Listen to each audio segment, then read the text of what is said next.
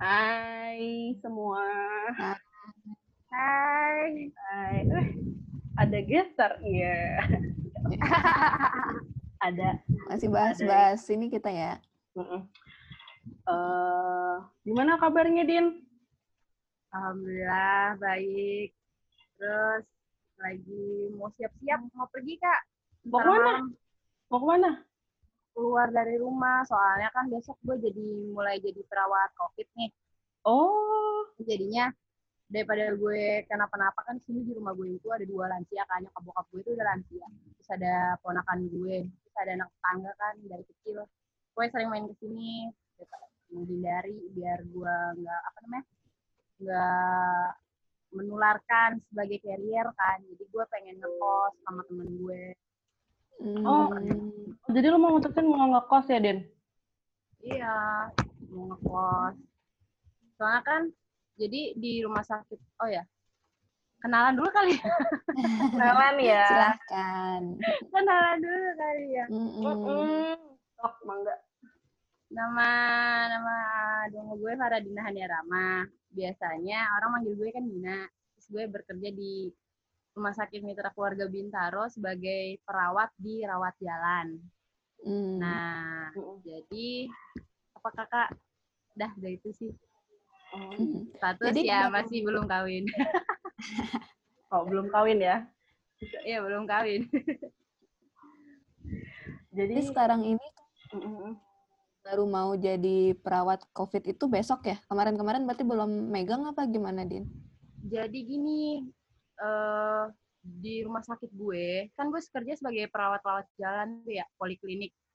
Nah, uh, sebelum-sebelumnya ini, sebelum pandemi, ada lagi kita kan lagi ngomongin pandemi covid ya mm -hmm. uh, selama pandemi covid ini rumah sakit gue itu baru lagi mau buat bedeng bedeng itu jatuhnya kayak apa ya kayak barak pokoknya dibentuk di situ khusus emang pasien-pasien PDP pasien dalam pengawasan COVID-19 itu ditaruh di sana sebelumnya tuh belum ada yang kayak gitu jadi yang sebelumnya awalnya kan dulu kita pertama kali ketahuan ada COVID-19 itu di mitra keluarga Depok kan, yang dua mm, orang. Iya, Depok. Hmm. Nah, dari situ tuh kayak udah mulai lah kayak sebenarnya wow gimana nih udah mulai di Indonesia teman-teman juga banyak yang gimana ya gimana ya gimana ya gitu kan. Terus masih ah belum belum sampai bintaro belum gitu kan. Santai aja dulu pokoknya yang penting pakai masker pakai handscoon kayak gitu kan. Sampai pas awal awal April kemarin, eh enggak awal Maret kemarin, ada pasien, ada pasien, wah dia curiga PDP, uh, uh, PDP uh, uh, curiga PDP nih COVID-19. Nah di situlah mulai rumah sakit bergegas, wajib. Uh, jadi kayak semuanya dihimbau wajib pakai masker, wajib pakai handscoon, Nah, wajib cuci tangan, baju nggak uh, boleh di pokoknya setiap pulang kerja harus mandi gitu. Nah, itu udah mulai wah, kacau nih gitu kan kayak waduh, harus mandi terus. Biasanya gue kalau uh, mandi sih mandi, tapi harusnya mandinya harus sampai keramas setiap malam. Kadang kan gue pulang sore kalau keramasan kadang malam-malam kan nah, puyeng ya, Kak. Nah, yang itu tuh. Kalau misalnya banget. kan kita pakai hijab nih, keramas nah. itu harus juga ya? Tetap. Soalnya kan kain itu ya namanya kain nggak bak bakal kalau virus kan tetap bisa masuk. Nempel ya? Tetap nempel. Dia cuma kain. Kainnya kan juga berongga-rongga. Makanya kalau kayak macam-macam masker, hmm. masker biasa yang masker apa sih yang kain-kain itu itu hanya yeah. itu bagusnya cuma untuk polusi tapi kalau untuk virus itu nggak nggak uh, kurang kurang ampuh gitu makanya jadi harus mandinya tetap dari kepala sampai kaki pakai berarti boy uh, berarti kayak dengan adanya tiba-tiba virus terus pandemik terus mulai dari pihak rumah sakit juga ada perubahan gitu nggak sih Din? Atau lo nih nah, sebagai perawat tuh perubahan terhadap sehari-hari ataupun yang di rumah sakitnya tuh gimana sih? Pas di rumah sakit tuh pas gencer-gencernya itu mm-hmm. kan aja uh, heboh banget kan langsung masker habis, mm-hmm. pun habis cepat betul, habis. Betul betul betul. Sempet di rumah sakit gue tuh nggak lagi nggak ada stok di farmasinya. Kitanya juga waduh ini gimana? gitu kan. Duh bu mas, mas uh, iya masker pokoknya. Sebenarnya kan masker itu kalau di rumah sakit itu tahan 4 jam ya maksimal. Ya udah dia akhirnya pakai selama dinas ya udah pakai masker itu terus gitu. Terus habis itu uh, tapi kan kalau masker sama uh, apa handscoon itu kan cuma nggak uh, nggak cukup ya kalau untuk kalau misalnya dia ada ada pasien yang misalnya PDP maksudnya suspek yang ODP atau PDP COVID itu yang pas nggak uh, kurang ampuh gitu. Harus seluruh tubuh kan. Karena itu memang bener-bener membawa banget. Nah terus da dari apa namanya kan awalnya tuh uh, pas udah kayak gitu kita butuh jas hujan nih di rumah sakit kan. Jas hujan? Uh, jas hujan eh iya maksudnya perlindungnya diganti pakai jas hujan. Serius? Pelindungnya diganti sama jas hujan? Yang harusnya apa namanya? Iya. hazmat itu ya? Hazmat. Itu kayak hazmat itu kan lumayan mahal. Iya dua ratusan satunya dan itu sekali pakai langsung buang. Sekali pakai langsung buang. Dan hmm. akhirnya uh, nggak ada belum. rela belum, sampai belum. diganti sama jas hujan gitu. Ya ampun. Iya. Gitu kan sebelum itu sebelum ya. itu pun gue kan jadi langsung kayak kalau udah nyampe rumah tuh kayak gue awalnya gue tidur sama nyokap gue sama adik gue. Hmm. akhirnya uh, mah uh, Dina ini Dina tidur di kamar gudang ya di belakang. Ini sebelumnya di kamar ini nih gudang isi pakaian-pakaian uh, apa uh, ini aja masih numpuk. Mah ya ampun. Jadinya yaudah oh yaudah akhirnya diberesin mm gue jadinya tidur di sini sendiri. Gue daripada gue takutnya kan ngeluarin adik gue ngeluarin nyokap gue gitu kan. Terus ya udah habis itu yaudah gue udah yang penting gue udah isolasi sendiri nih di rumah. Jadi gue di kamar sendiri nggak nggak banyak terlalu interaksi sama yang lain di rumah. Keluar kalau ada ininya aja kalau ada keperluan mendadak aja Berarti nah, lo sebagai perawat ya. gitu di luar dan kalau udah sampai rumah lo tetap mengisolasi diri lo sendiri gitu ya? Karena iya karena jadi karena uh, misalnya nih kayak udah ada orang yang di dalam pengawasan, hmm. misalnya ada uh, pasien dalam pengawasan COVID-19, siapa aja nih yang udah yang kontak ditanyalah sama rumah sakit sampai dibuat grup Uh, jadi kan kalau misalnya kita kontak sama pasien PDP, otomatis kita jadi ODP COVID-19 kan. Jadi orang dalam pengawasan kita. Orang dalam nah, dibuatlah di grup sama HRD gue. Uh, apa namanya? Jadi kalau misalnya ada kita sakit tiap hari kita harus ngisi Google Form. Kalau ada yang ngerasa sesak, uh, sesek atau batuk atau pilek atau demam kita harus tetap isi. Kadang kita sugesti juga ya gara-gara aduh kok jadi hmm, nggak hmm, enak ya leher ya gitu gitu kan. Jadi oh nggak boleh nggak boleh nggak boleh gitu. Sampai emang rumah sakit kan jadi ada dokter radiologinya ayo ayo ayo pada ronsen semuanya kita uh, dilihat parunya. Di ronsen semuanya alhamdulillah orang poli masih aman gitu kan. Nah terus habis itu uh, dicek juga darahnya. Kan cek darahnya itu tuh kalau dicek darah itu di covid itu ada yang ini deh khasnya gitu dokternya ngelihat yang bagian darah yang ini turun sama darah leukosit turun, monosit turun gitu. Pokoknya dokter yang ngerti. Uh, terus habis itu, oh ini aman, gitu kan. Oh ini hmm. cuman bakteri. Kalau bakteri, udah minum antibiotik, gitu kan. Nah itu udah, udah terus udah dibikin grup itu. Masih kan masih ngerasa resah ya, aduh ini pelindungan, gitu kan. Akhirnya, yaudah uh, kita tetap uh, di langsung dikasih satu-satu pakai jas hujan. Sebelumnya itu belum ada jas hujan itu hanya untuk pasien yang jaga pasien paru sama pasien penyak uh, isolasi. Tiba-tiba karena pandemi ini di rumah sakit gue langsung bikin untuk pasien-pasien yang batuk pilek atau demam itu di lantai satu. Poli gue kan lantai dua. Hmm, iya iya iya. iya. Nah gitu. Ya udah akhirnya uh, cuman di pas di lantai satu lah dikasih jas hujan dikasih uh, masker biasa bukan masker N95 gitu kan hmm. sama handscoon dah itu sampai sekarang sampai besok hari Senin baru mulai ada bendengnya itu Berarti uh, pasien yang di rumah sakit sekarang udah ada beberapa yang diisolasi ya? Udah ada.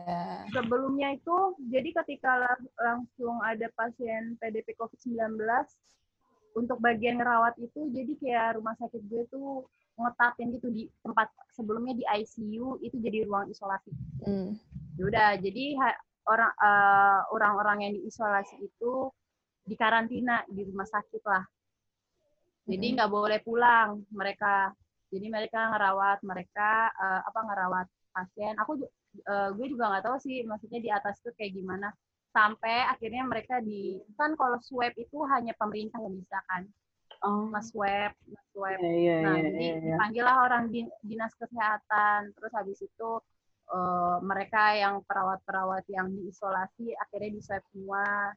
Nah, kalau uh, kalau udah keluar hasilnya baru mereka boleh pulang. Nah, dan semua sih kemarin udah hasil swabnya udah pada keluar semua, mm-hmm. terus mereka udah alhamdulillah udah pada keluar semua sih, udah pada nggak di karantina lagi. Hmm. Nah itu isolasinya berarti 14 hari juga yang perawat perawat itu? Mm-hmm. 14 hari. Oh, 14 hari juga ya. Mm-hmm. Berarti besok kalau misalnya lu uh, jaga kan berarti besok shiftnya lu nih, mm-hmm. ya. Berarti lu jaga terus kalau misalnya udah swab ya ganti lagi ya nah itu nggak tahu sih swab, besok kita di swab kayak gimana gimana pakaiannya itu udah lengkap gitu. Jadi kita juga belum tahu. Soalnya kayak gini kan awalnya jadi uh, pas sebelum dibikin bedeng ya kita sebut hmm. bedeng ya. Mm-hmm. uh, disebut bed, uh, sebelum bedeng ini ter, uh, terbentuk udah ditanya-tanya nih. Pokoknya nanti ada kita ganti-gantian yang ngejagain bedeng. Jadi kan sebelumnya kan ada yang poli lantai satu isolasi. Jadi yang setiap yang uh, isolasi ini sekarang nanti ditiadakan di poli lantai satu tapi semuanya dipindahkan ke bedeng. Nah udah dibikin jadwal sama kepala uh, kepala ruangan gue gue udah panik sebenarnya anjela kan kayak maksudnya gue gue gue stresnya itu karena gue di rumah. Gue di gue kalau gue ngekos gue masih kayak di Padang gue ngekos biasa sih gue nggak oke okay, soalnya diri diri sendiri kan. Yeah, gue yeah. Ini gue sama orang tua yeah. pokoknya rumah rumah gue tuh rame kan. Mm kayak jadwalnya udah keluar. Ya jadwalnya tuh kayak tiap seminggu sekali kita ada di bedeng. Gue nggak mau dong maksudnya kalau walaupun sekali seminggu sekali di bedeng gue bisa ngenain keluarga gue. Gue ngelobi lah sama uh, apa sama kepala ruangan gue. Bu uh, boleh nggak kalau di bedengnya itu uh, punya punya aku di ini di belakang aja ditutup semuanya dalam seminggu di bedeng bukannya no kan uh, bukannya nolak gue juga nggak mau nolak. Soalnya kan gue udah disumpah juga kan mm, perawat profesi ya. Uh, uh, sumpah profesi di atas Al-Quran. ya lo kalau misalnya disuruh yeah ya lo kalau misalnya disuruh ya lo harus ngelakuin gitu kan. Jadi nggak bisa uh, bu saya nggak mau bu. Gitu kan nggak bisa nggak mungkin kayak gitu kan terus habis itu akhirnya uh, ya udah saya nggak bisa nggak bisa ngaturnya kalau kamu kalau mau kamu yang ngatur sendiri sama teman-teman kamu. Mulailah gue kayak gue panik. Teman-teman gue tuh kayak lo heboh heboh banget sih din. Ya gue gimana nggak heboh? Soalnya kan rata uh, cuma cuman dikit yang tinggal di keluarga di oh. tempat gue. Soalnya rata-rata ngekosnya itu perawat rata-rata ngekos. Hmm. Karena kan sebelumnya ini orang-orang alihan dari Depok. Oh. Jadi kan sebelumnya sebelum gitu. sebelum gue kerja di Mitra Keluarga Bintaro yeah, yeah. tuh gue kerja di Mitra Keluarga Depok kan. Oh. Nah, terus habis Bina, itu ya? uh, uh, terus habis itu udah uh, pas di apa namanya? Uh, udah dibilang kayak gitu, eh ternyata besokannya sama kepala ruangan gue uh, ternyata sekarang yang bedeng jaga bedeng uh, nggak nggak nggak kayak gitu nggak tiap nggak satu-satu ini dicari empat perawat hmm. yang yaudah sebulan penuh dia di bedeng oh. nah ditawarin ya, ya, ya, ya.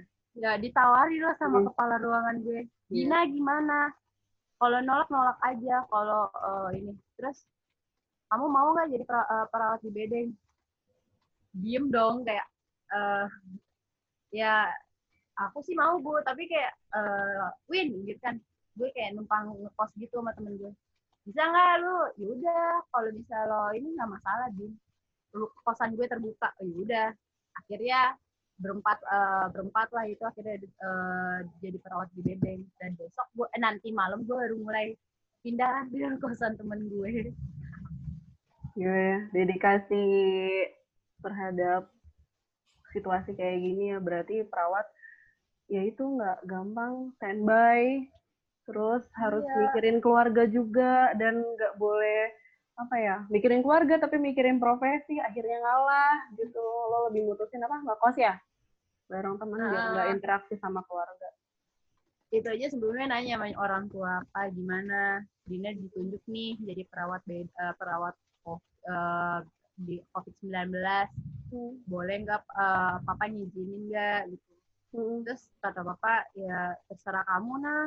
Yang pilihan yang terbaik pokoknya sama ada di tangan kamu papa ngedukung aja. Ya udah kalau misalnya udah orang tua ngedukung nggak nggak apa kayak nggak nolak ya udah lanjutin aja. Pasti. Ya. berarti keluarga nggak ada yang keberatan ya din? Masuk nggak ada nggak keberatan. Soalnya jadi makin ke sini ya kan gue kadang sering ini kak sering main sama bocil-bocil. Ini kok bocil-bocil makin nempel mulu sama gue berdua kayak ah kenapa pas sekarang? Gitu lucu banget sih. Hmm, makanya.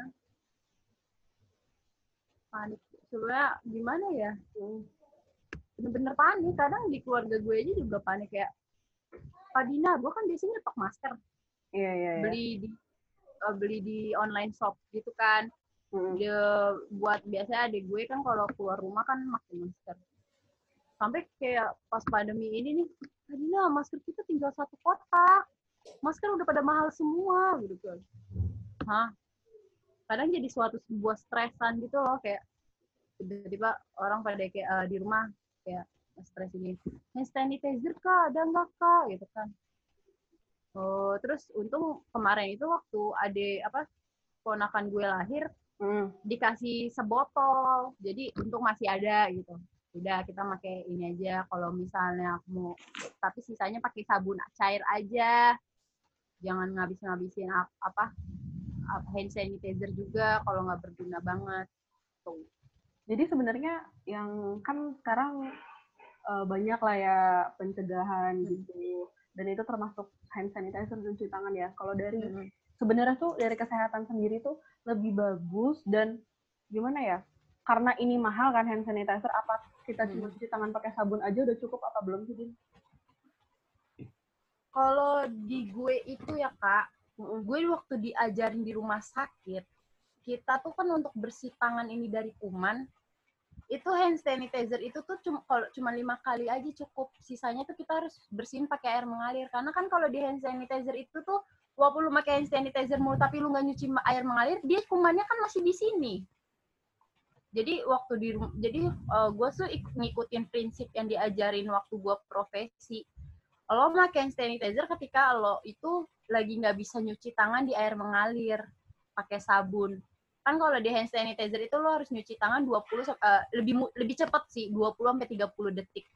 Eh, nah kalau sedangkan lo nyuci tangan di air mengalir lo semenit 40 detik sampai 60 detik. Nah, uh, gue selalu kalau misalnya udah lima kali ini tangan kan kadang rasanya nggak enak ya kalau pakai hand sanitizer mulu.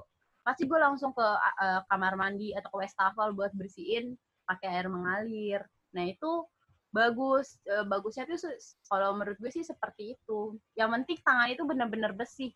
Lo habis dari keluar atau lo habis buang air kecil atau pokoknya dari kamar mandi atau lu setep, sebelum makan setelah makan tangan lu tuh sebenarnya harus bersih gitu. itu sih lebih baik untuk dari uh, menjauhi kuman-kuman kuman-kuman yang itulah mm. segala macam kuman nah, nah untuk sekarang lanjut dan dan untuk mas kalau untuk masker so, gue nggak ngerti sih. Kalau gue kan karena petugas kesehatan gue harus ketemu orang-orang sakit otomatis gue dong wajib pakai masker. Nggak kalau misalnya di kalau misalnya yang gue ini sih mendingan uh, kalau lu lagi batuk pilek aja lu pakai masker. Biar nggak nularin. Kalau di gue ya ya tapi ada juga yang bilang kan waktu itu di gue juga ngeliat di sosial media uh, kalau baik lebih baik lu kalau keluar pakai masker kan gitu walaupun lu sehat gue nggak ngerti ini jadinya bagusnya gimana kalau gue sih masih prinsip gue eh, mama pakai maskernya kalau ketika batuk pilek aja Mm-mm. atau misalnya Misalnya kalau lu uh-uh. kalau lu ngerasa badan lu nggak fit uh, Mm-mm. kan kita nggak tahu imun ya ya udah oke lu Mm-mm. pakai soalnya kan gue Mm-mm. juga pernah dengar kalau misalnya lu pakai masker dan lu sehat-sehat aja masker kan kita pegang ya apa gimana Mm-mm. tahu-tahu tangan kita kotor nempel di masker malah jadi penyakit aturannya kita nggak ada Mm-mm. penyakit kan gitu iya bisa juga kayak gitu Nah, kalau misalnya gini, Din, kan kita di, eh, maksudnya eh, physical distancing ya. Kayak gue Hmm. kan udah tiga minggu lebih itu di rumah aja. Nah, Hmm. misalnya kan kayak keluar-keluar beli jajan, kue, apa-apa gitu. Nah, ke Mm-mm. minimarket bentar doang nih, misalnya ke depan Mm-mm. rumah. Itu gue pulang harus ganti baju juga, mandi, apa ya udah gitu. Karena misalnya gue keluar nih pagi, terus yang gue keluar lagi, bandel sih emang seharusnya se- sehari sekali ya. ya misalnya gitu, maksudnya buat keluar sebentar doang ke minimarket, apa kita harus ganti baju bener-bener ganti? Maksudnya kita kan habis mandi. Pakai baju baru, maksudnya baju dari lemari, terus keluar bentar, dicuci lagi apa gimana gitu. Kalau kalau gue sih sebaiknya ketika lo keluar baju, eh, baju yang lo di luar itu lo harus ganti pakai baju dalam eh, baju yang di rumah aja. Jadi sebelum lo pergi ibaratnya lo pakai baju yang itu aja. Nah, ini kan biasa nanti seharian baru nanti baju lo kalau udah pakai-pakai terus pokoknya yang gimana ya? Lo keluar nih, misalnya lo pakai jaket, pakai celana, pakai jilbab. Nah, lo keluar pakai itu. Pas lo nyampe rumah, lo ya cuci ta- eh, cuci tangan baju tadi pokoknya lu gantung terpisah aja nah itu tapi lu pakai baju dasteran di rumah lagi aja jangan pakai baju itu lagi gitu kalau lu mau pergi lagi pakai baju yang tadi yang digantung aja sampai sehari kan nanti baru lu cuci kalau gue sih gitu Hmm, gitu ya. Kalau di Iya, rumah gue prinsipnya- juga gitu sih. Kalau di rumah gue Hmm, prinsip- kali keluar harus ganti baju sih. Nyokap gue Hmm. agak-agak tek gitu. Jadi mesti mandi. Jadi keluar tuh dipikirin lagi nih. Sehari aja Iya. keluar. Jadi kayak gitu. Jadi banyak Ya, nyuci bener-bener. gitu ya. daripada kebanyakan nyuci bolak-balik ganti itu kan mendingan pakai yang baju untuk keluar yang gitu aja nanti kalau udah ini baru yang terakhir mas malam udah kan gak mau pergi lagi baru udah dicuci. Kalau misalnya gitu. selain cuci tangan sama kayak physical distancing gitu, pencegahan yang paling efektif lainnya apa sih Dina masih bisa biar warga atau masyarakat tuh aware gitu. Apalagi kan masih banyak Kayak yang gue perhatiin tuh, Hmm. eh gue nggak ngerti ya. Kalau misalnya di daerah rumah gue orangnya sih alhamdulillah karena komplek aware dan ada penyemprotan gitu kan. Nah Mm-mm. kalau misalnya di daerah lain gue tuh kadang masih melihat mereka ngerasa oh di daerah gue nggak nggak kena gitu. Jadi nggak apa-apa parah gitu ya. masih masih keluar keluar dan lain-lain kayak gitu sih. Menurut lo gimana sih kayak apalagi nih yang harus dilakukan? Hmm, kalau misalnya dilakuin itu ya kan kalau jaga jarak sama orang ya gitu. Terus habis itu gue biasanya sih sekarang itu lebih sering jadinya minum minum multivitamin sih. Vitamin C sama vitamin D itu bagus. Vita- vitamin apa? melawan. D? C sama D. D sama C D ya sama berarti D untuk Mm-mm. penangkalan lainnya maksudnya pencegahan lainnya minum vitamin ya? Ya minum vitamin bisa. Soalnya gue jadi tiap hari nih sekarang di rumah sakit gue aja Hmm. yang biasanya kita dikasih snack cuma satu nih. Misalnya susu aja. Wah sekarang ditambah pakai telur wah di sekarang Hmm. ditambah lagi sama vitamin jadi sekarang tuh udah di jadi tiga tiga snack jadinya kita di, eh bukan tiga snack sih dua snack sama satu vitamin dikasih itu Kadang tiap hari sehari satu Din Mm-mm. sehari satu sehari satu vitamin dikasih lumayan kan Oh, berarti Terus habis- mm, nggak apa-apa Iya. ya minum vitamin sekali sehari gitu ya? Mm-mm. cuman ya eh kayak sebut merek nggak ya? Jangan deh. jangan Pokoknya ada satu satu ob- Jangan ada deh. satu obat Iya. bias itu ampuh. Mm, Tapi mm, kalau bisa dijarakin jangan tiap hari kita minum obat vitamin itu terus gitu. mm. Takutnya autoimun yang gitu-gitu ya? Ah iya. berarti Berarti tidak ada dibolehkan autoimun. berarti dibolehkan Boleh. untuk eh, konsumsi vitamin cuman jangan terus menerus yang sama atau nanti boleh diganti atau harus dijarakin minum vitaminnya? Uh, Tergantung pokoknya jangan ya. jangan itu itu terus takutnya Oh, nanti tubuh jadi oke. resisten maksudnya Benar, benar, resisten benar, benar. eh, Iya, iya. kebal jadinya Kebal ya? gitu. Iya, iya, iya. Hmm. soalnya di rumah sakit gue jadinya tiap hari tuh ganti Oh. awalnya tuh itu terus terus Mm-mm. kan kayak eh, obatnya kok ini terus ya bukannya nggak Iya. boleh kayak mikir-mikir eh akhirnya besokannya bener diganti diganti ya. gitu. tiap hari diganti eh, vitaminnya gitu. terus habis itu selain ini berjemur sih Itu, Kadang Nah, gitu, itu. kadang Itu benar ya, berarti ya? Jam berapa tuh, Din? Heeh. Hah? Jam Jam berapa jemur. tuh? kalau gue sih m- kan ada orang yang te, apa sih yang jam 10 ke bawah atau jam 10 ke atas Mm, mm, mm. ya kan ada yang Lo tim bagusnya yang mana nih? jemurnya kalau kalau gue timnya itu yang tengah-tengah antara jam 9 atau jam 10 iya Berarti tim tengah-tengah ya di antara itu. Iya tim tengah-tengah iya kan ada yang bilang pokoknya jangan jam 10 ke atas itu udah Iya, ini iya. ini ya kan. Eh, kalau jam 10 ke atas tuh kan orang luar negeri yang emang bagus ya. Ini gue juga sampai sekarang tuh sampai bingung. Kadang mau ngejemur ponakan gue aja dulu Iya, iya. ini sebenarnya bagusnya jam berapa sih gitu. Bagusnya jam itu aja jam 10. Jadi gue ambil tengah-tengahnya aja. Dah setengah 10 sampai jam 10 lewat 15 menit. Dah. Terus Hmm. setengah, jam lah di antara itu gitu Hmm. kadang sambil main main skipping atau Tiap hari ya. Oh, sekaligus olahraga ya. Bagus tuh berarti. sekaligus olahraga kalau itu kalau misalnya gue masuk siang sih kak kalau masuk pagi nggak bisa kadang masuk pagi tuh ada matahari nih kan ada kamar kamar biasa kita buat istirahat Ih, mataharinya emang di situ kadang langsung serbu ngejemur oh, enak banget sambil nunggu pasien rutinitas ya. Menjemur itu. Mm. Mm. Kalau APD sekarang gimana, Din? ya itu Kalau kemarin tanggapan dari rumah sakit atau yang lain? Rumah sakit lo deh. APD itu kita tuh masih kurang gitu loh kak Oh iya. kalau me- menurut gue iya gue masih men soalnya ya memang sampai sekarang tuh masih pakai jas hujan kadang eh, dokter pun eh, setiap dia mau praktek ditanyakan Eh, kayak misalnya kan ada kalau dokter-dokter yang tiap hari ada standby dia udah tau lah pakai pakaiannya apa aja.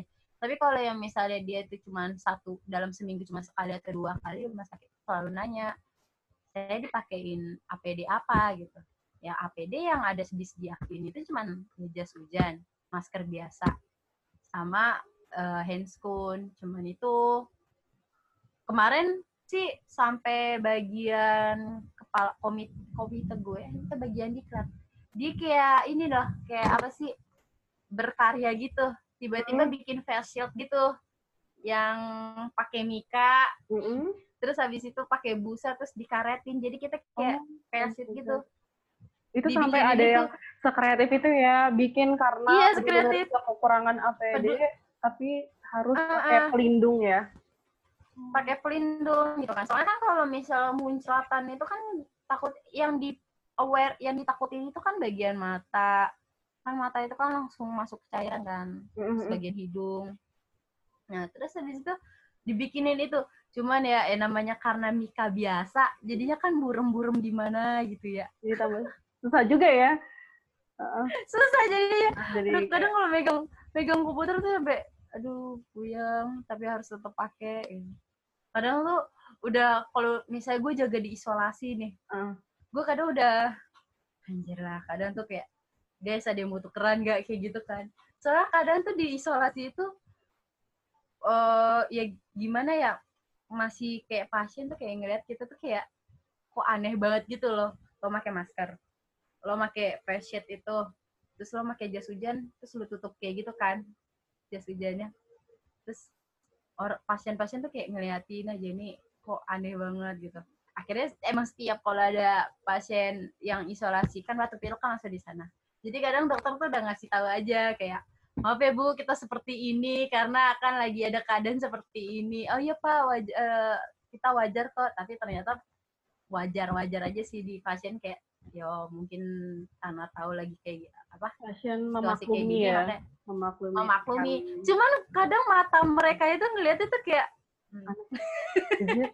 Oh ya? Kadang gue jadi iya iya ada kadang gue jadi aduh gue nggak pede nih jas hujannya udah kadang kayak temen gue kayak ya jas hujan gue robek lagi Ya ampun, sedih banget perjuangannya. Bener-bener ya. itu kalau udah selesai kan jas hujan nggak mungkin dibuang kan Mm-mm. Jadi disemprotin pakai alkohol 70% akhirnya dijemur dulu. Dijemur lagi. guys eh eh, eh, gak dijemur di deket. Nah guys besok kalau yang ini eh, nanti tolong bantuin lipat ya. Kan kita kan jadwalnya kan berbeda-beda tuh. Kadang dia misalnya masuk siang besokannya dia masuk siang lagi. Otomatis daripada takut kotor. Dan kita tolong lah dia ber- bersih eh, ini. Udah disemprot kok pakai alkohol. Eh, udah 70 oh yaudah terus yaudah nanti dilipat lagi dipakai lagi buat besok. Kalau misalnya hazmat itu kan sekali buang tuh. Karena emang dan emang jujur pakai jas hujan itu bener-bener panas.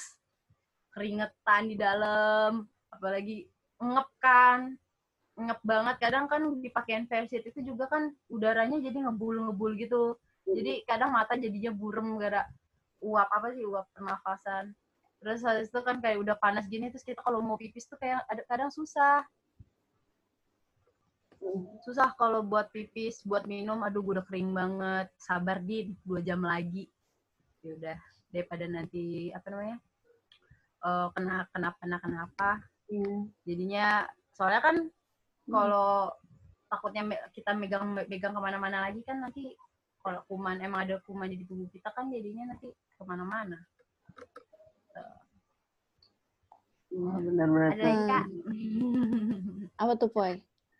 Atau apa-apa, gue dari tadi sangat impresif terhadap Iya apa sih. ya perjuangannya yang benar-benar dia akan profesinya ya sebagai uh, perawat terus dari sehari-harinya benar-benar teratur jadinya ya jadi apa aja harus teratur sampai Mm-mm. makan Iya. minum untuk menyentuh Oh. sesuatu untuk apa ya Iya. bergerak kali ya untuk oh gue mau melakukan ini mikir oh gue mau ini mikir apalagi di rumah sakit ya dalam keadaannya juga pasti sometimes hektik gak sih gak cuman adanya yang sakit covid kan tapi kan orang yang Hmm. sakit yang lainnya Mm-mm, juga yang sakit tetap yang lain juga datang harus ya. di mm. Diperhatiin. tetap makanya orang kasihan apalagi kalau ibu-ibu hamil biasanya sih ibu hamil udah di- sekarang kan jadwal di rumah sakit tuh dikurangin Oh. jadi kalau yang mm-mm. Jadi ibu-ibu hamil ya kalau misal ada mis, gue kasihan sih sama ibu-ibu hamil kan. Kalau dia kenapa-napa gimana. Jadi eh, dibatasin eh, untuk yang pasien-pasien hamil yang trimester ketiga aja atau lagi yang mendadak ada perdarahan. Sekarang semua jadwal sekarang dikurangin. Biasanya kita sampai jam 9 malam sekarang cuma sampai jam 5 pendaftaran. oh oh benar-benar Mm-mm. dikuranginnya langsung ini ya, benar-benar minimalisir. Minimalisir. Biar nggak kontak juga nggak sih yang emang nggak sakit Mm-mm. tapi dia ke rumah sakit sakit yang lain biar nggak ada Mm-mm. apa namanya nggak jadi kode ketularan gitu ya atau ketularan Mm-mm. tuh, tuh, tuh. Ya pada kacau sih pada banyak transfer gue sampai kemarin tuh benar-benar stres sampai nangis kadang gue curhat sama temen gue kayak yaudah din tapi sebenarnya gue kayak yang paling gue betein itu kalau misalnya gue Mm-mm. lagi curhat kan itu emang udah tugas lo din anjir lo nggak tahu perasaan gue maksudnya eh, pokoknya eh, kalau misalnya udah dicurhat kayak gitu akhirnya gue ngulah-ngulah sendiri deh pokoknya intinya. Yaudah berarti ya semua harus gue jalanin da- daripada eh, karena emang ya gue mikirnya siapa lagi gitu kalau bukan kita dari awal yang ngebantuin mereka gitu kan. Bener bener bener Nah, kalau kita nih yang orang ya yang ngebantuin eh, apalah orang ini apa sih medis ya yang berjuang di rumah sakit. Kira-kira apa sih yang mau eh, lo sampaikan gitu? Eh, kalian tuh bisa gini gini gini loh buat bantuin gue gitu. Kayak di rumah aja misalnya atau gimana gitu. ya kalau untuk bantuin buat- buat ah, kalau buat ngebantuin sih ya gue cukup ya emang bener kalian di rumah aja jangan nongkrong Tuh, denger tuh di rumah, ya, keluar. itu do not from perawat ya Iya. rumah aja Ya, Ini tolong sangat- dibantu. Gimana menurut lo? iya di rumah aja sangat membantu kan Din Mm-mm. iya karena bener iya jadinya eh, nggak kita kan nggak banyak kontak kayak kalau nonton konser kan uap di mana-mana misalnya kita lagi nonton konser nih nah sedangkan kalau misalnya kita di rumah aja polusi juga jadi bagus sekarang kan gak ada polusi Hmm, terus habis itu Jakarta Iya. terang banget tuh apanya terang langit. banget Langitnya kan. biru ya Heeh. sekarang. ngebantu deh pokoknya soalnya kan biar penyebarannya tuh jadi nggak makin banyak buktinya aja eh, terbukti di Wuhan kan udah nggak ada lagi ketemukan karena emang bener-bener orang nih semuanya pada nggak boleh ke mana-mana Iya. Men- membantu meringankan pekerja tenaga kesehatan Mm-mm. Dan kalau misalnya banget sih kalau Mm, misalnya lo self isolation sekarang kan kalau semuanya pada ya udah di rumah aja. Ntar juga Mm. nggak sampai berapa lama ini selesai ya kita bisa keluar lagi normal ya. Maksudnya kan Mm-mm. Mm-mm. harus sabar-sabar. harus sabar karena dengan di rumah aja atau misalnya yang nggak WFH ya pekerja ya kayak abis kantor ya pulang nggak usah kayak ke mana-mana nggak usah nongkrong-nongkrong itu semua ada waktunya kalau kita sama-sama kompak kayak sih kayak yuk sama-sama Hmm. yang tenaga medis usaha yang pemerintah juga Mm-mm. ngatur yang kitanya juga harus tahu Nurut gitu gitu. nurut Mm. gitu banget. Iya itu harus penting sih. Pokoknya kan lagian pasti kalau udah pandemi ini udah berkurang, Mm. pasti kita udah suruh jalan-jalan lagi, boleh.